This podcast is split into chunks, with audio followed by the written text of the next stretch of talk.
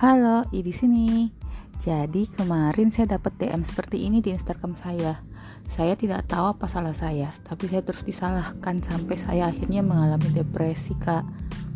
Hmm, pertama-tama saya turut prihatin ya mendengar keadaanmu saat ini. Memang tidak mudah, tapi saya harap kamu dapat melewati proses healingmu dengan baik ya. Uh, sekarang mari kita bahas ini. Umumnya, saat kita menghadapi masalah, kita akan cenderung berfokus pada apa yang salah atau siapa yang salah.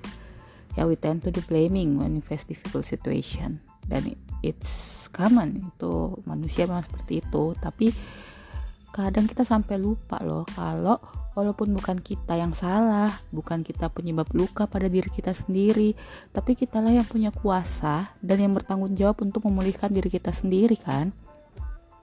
Lagi pula kalau sudah tahu apa yang salah atau siapa yang salah, hal itu juga sudah berlalu kan dan tidak bisa diulang lagi. Jadi, yuk kita proses emosinya daripada kita menyalahkan orang lain atau hal lain, mari kita bertanggung jawab dalam proses healing kita dengan lebih fokus untuk mencari apa yang bisa kita lakukan untuk memperbaiki saat ini. Good luck dan semangat ya. Big Bear Virtual Hugs. I